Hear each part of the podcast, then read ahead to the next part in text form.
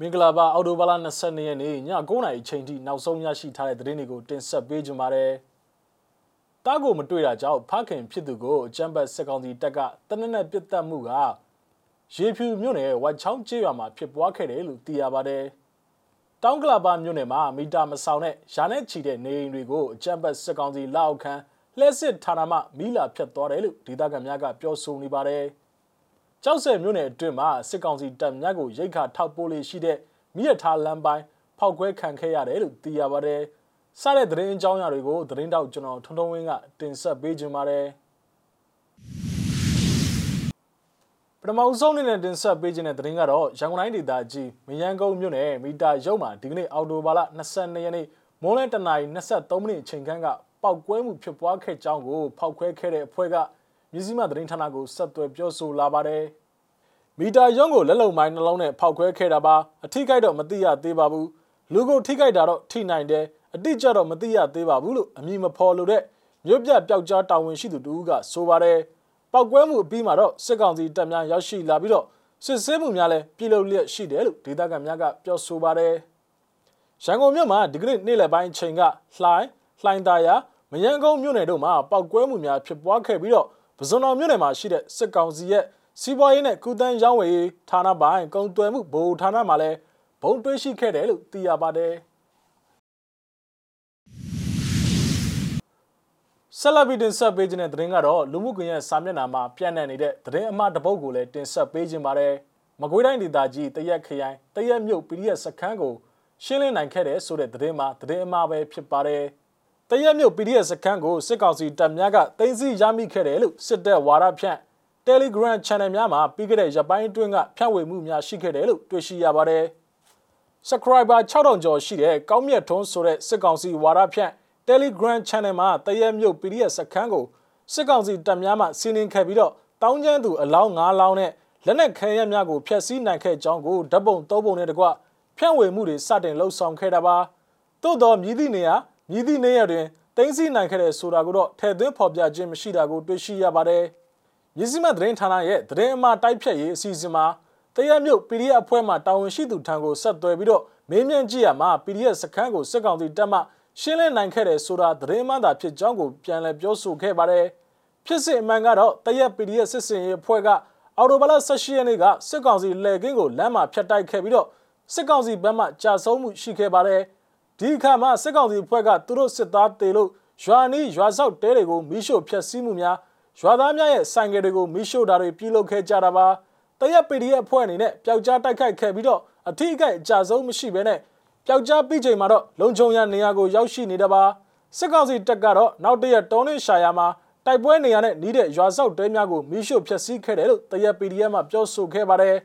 အဲ့ဒါအကြောင်းလက်ရှိပြန့်နှံ့နေတဲ့ တရက်မြို့ PDF စကန်တိုက်ခိုက်ခံရတဲ့ဆိုတာမှာသတင်းအမှားသာဖြစ်ပါတယ်နောက်ထပ်တင်ဆက်ပေးခြင်းတဲ့သတင်းကတော့ရန်ကုန်တိုင်းဒေသကြီးတောင်ကလာပါမြို့နယ်အမှတ်9ရပ်ကွက်မှာရှိတဲ့မီတာမဆောင်တဲ့နေများကိုအကြမ်းဖက်စစ်ကောင်စီလောက်ခံလက်စစ်ဝင်ကြီးဌာနမှဝန်ထမ်းများကဒီကနေ့အောက်တိုဘာလ22ရက်နေ့နံနက်ပိုင်းချိန်ကလိုက်လံပြီးဖြတ်မှုများပြုလုပ်ခဲ့ရမှာ ဒီအတွက်ရာကနန်းခန့်များမိဖြတ်ခံလိုက်ရတယ်လို့ဒေသခံများကပြောဆိုနေပါတယ်။မနက်ကတောင်းကလာပါခုနှစ်ရက်ကွက်ကိုမိဖြတ်သွားပါတယ်။ EBC ကလူတွေပဲလာဖြတ်တာပါ။မဖြတ်ရသေးတဲ့အိမ်တွေကိုလည်းမီတာမဆောင်ရင်လာဖြတ်မယ်။မီတာဆောင်မယ်ပြောပြီးမလာရင်လည်းမနှက်ဖြန်ပြန်လာဖြတ်မယ်လို့ချင်းချောက်သွားတယ်လို့ခုနှစ်ရက်ကွက်မှာနေထိုင်သူတူကဆိုပါတယ်။မီလာဖြတ်ရမှာစစ်ကောင်စီတပ်ဖွဲ့ဝင်များပါဝင်ခြင်းမရှိဘဲလက်စစ်ဌာနမှဝင်တဲ့အယောက်20ခန့်ကလာရောက်မီးဖြတ်ခဲ့ခြင်းဖြစ်ကြောင်းသိရပါတယ်။ မီးလာဖြတ်တဲ့ဝန်ထမ်းများက၎င်းတို့ကတောင်းကလာပါမြို့နယ်လက်စစ်ရုံး EPC ကမဟုတ်ဘဲနဲ့မြောက်တကုတ်မြို့နယ် EPC ရုံးကလာဖြတ်ခြင်းဖြစ်ကြောင်းကိုလည်းပြောသွားကြောင်းကိုရက်ကွက်နေပြည်သူများထံမှသိရပါတယ်။ရင်းကဲ့သို့ဖြစ်စဉ်ဖြစ်ပွားပြီးတဲ့နောက်မှာတော့ရက်ကွက်နေပြည်သူအချို့ကမီတာကတွားရောက်ပေးဆောင်ကြောင်းကိုလည်းဒေသခံများထံမှသိရပါတယ်။အခုလိုမီးဖြတ်တော့ဟင်းချက်ဖို့ရေသုံးဖို့အားသွင်းဖို့အခက်ခဲတွေတော့ရှိတာပေါ့။တချို့အိမ်တွေကလည်းကြောက်လန့်ပြီးမီတာတွားဆောင်ကြတယ်။တချို့အိမ်တွေကလည်း မိဖြက်ယုံမကလာတက်ရင်တော့မိသားသွားမဆောင်နိုင်ဘူးဆိုတဲ့အိမ်တွေလည်းရှိတယ်ပြည်သူတရလုံးစီစီလုံးလုံးနဲ့ကြော်ဖြတ်ကြမယ်ဆိုရင်ဘယ်အခက်ခဲမဆိုကြော်ဖြတ်နိုင်မှာပါအချင်းချင်းရိုင်းပင်းကူညီပြီးဆက်ပြီးအားထင်ထားကြပါလို့တောင်းလာပါမြို့နယ်မှာနေထိုင်တဲ့နိုင်ငံရေးတက်ကြွလှုပ်ရှားသူတူကဆိုပါတယ်စစ်တပ်အာဏာသိမ်းခြင်းကိုစန့်ကျင်တဲ့အနေနဲ့လာဆင်ပေးဆောင်နေတဲ့မီတာခများကိုအများပြည်သူများကမပေးဆောင်ဘဲအကြမ်းမဖက်အာဏာဖီဆန်ရဲ့လှုပ်ရှားမှု CDM မှာပါဝင်နေခြင်းဖြစ်ကြောင်းသိရပါတယ်။ စစ်ကောင်စီကလွန်ခဲ့တဲ့လအတွင်းကစတင်ပြီးမီတာကလာရောက်ပေးဆောင်ကြရတဲ့မဆောင်ပါကမီးဖြတ်မဲလို့လိုက်လံကြေညာပြီးတဲ့နောက်မှာတော့ရန်ကုန်တိုင်းဒေသကြီးအတွင်းမှာရှိတဲ့မြို့နယ်အချို့အပါအဝင်အခြားမြို့ကြီးများမှာရက်ကွက်နဲ့ကျေးရွာများမှာစစ်ကောင်စီကမီးဖြတ်တောက်မှုများဇက်တိုက်လှုပ်ဆောင်လာခြင်းဖြစ်တယ်လို့ဒေသခံများထံမှသိရပါတယ်ထပ်မံတင်ဆက်ပေးခြင်းတဲ့သတင်းကတော့စစ်ကောင်စီတပ်များကစကိုင်းတိုင်းဒေသကြီးဘက်သို့ထောက်ပို့လမ်းကြောင်းဖြစ်အုံပြုနေတဲ့ မန္တလေးတိုင်းဒေသကြီးကြောက်ဆယ်မြို့ထနောင်းပင်လာရွာရဲ့အနောက်တောင်ပိုင်းမှာရှိတဲ့ယထာလမ်းပိုင်းကိုအော်တိုဘာလ20ရက်နေ့ညနေ6:38မိနစ်အချိန်ကဖောက်ခွဲပျက်စီးခဲ့ကြောင်းကိုဒေသခံပြည်သူ့ကာကွယ်ရေးတပ်ကမြစည်းမသတင်းဌာနကိုပြောဆိုပါတယ်။သူတို့ကအဲ့ဒီလမ်းကိုတုံးပြီးတော့စကိုင်းတိုင်းဒေသကြီးအတွက်အဓိကထောက်ပို့လှုပ်ဆောင်နေတာပါ။လူအင်အားရောရိတ်ခါပိုင်းအတွက်ရောပါ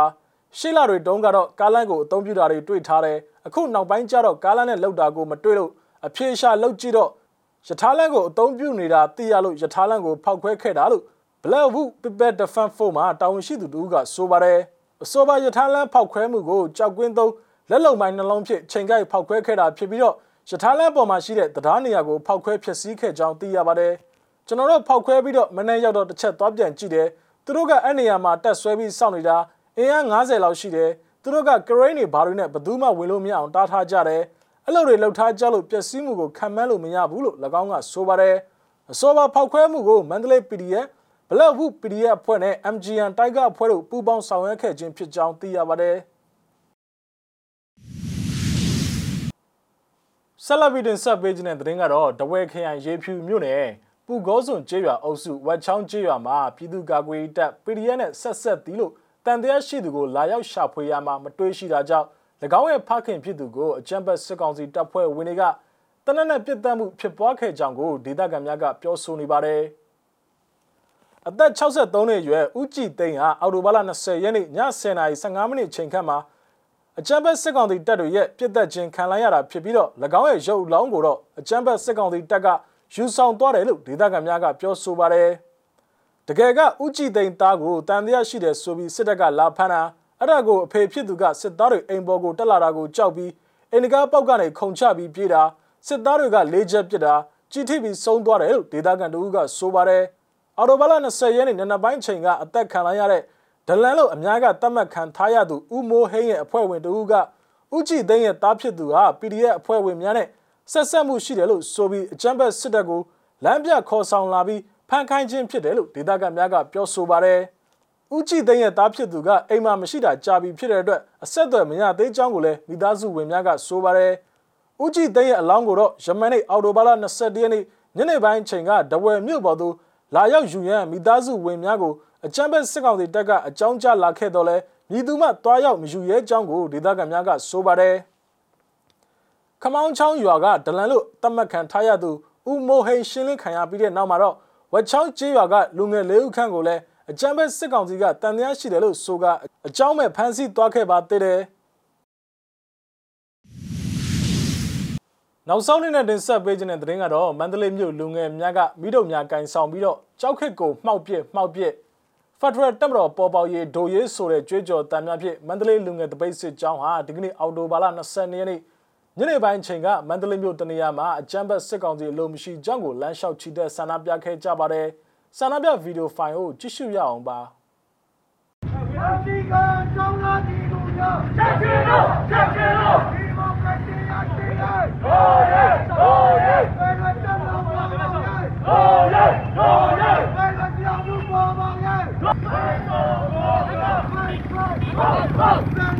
ဒဆ ချက်ကျလို့ချက်ကျလို့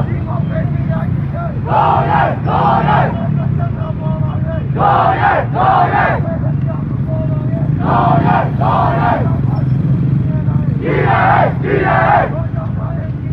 ဒီရဲဘောမနာသူ့တော်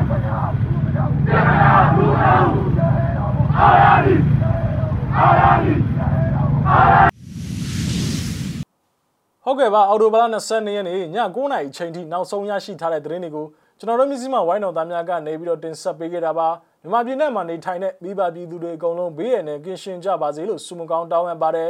လက်ရှိဖြစ်ပွားနေတဲ့ COVID-19 ကရောဂါနဲ့ပတ်သက်ပြီးအထူးကူးစိုက်ကြဖို့ကျွန်တော်တို့မြစည်းမဝိုင်းတော်သားများကတိုက်တွန်းလို့ဆိုခြင်းပါတယ်နောက်ထပ်ရရှိလာမယ့်သတင်းတွေအတူတူကျွန်တော်တို့ပြန်လည်ခဲ့ပါမယ်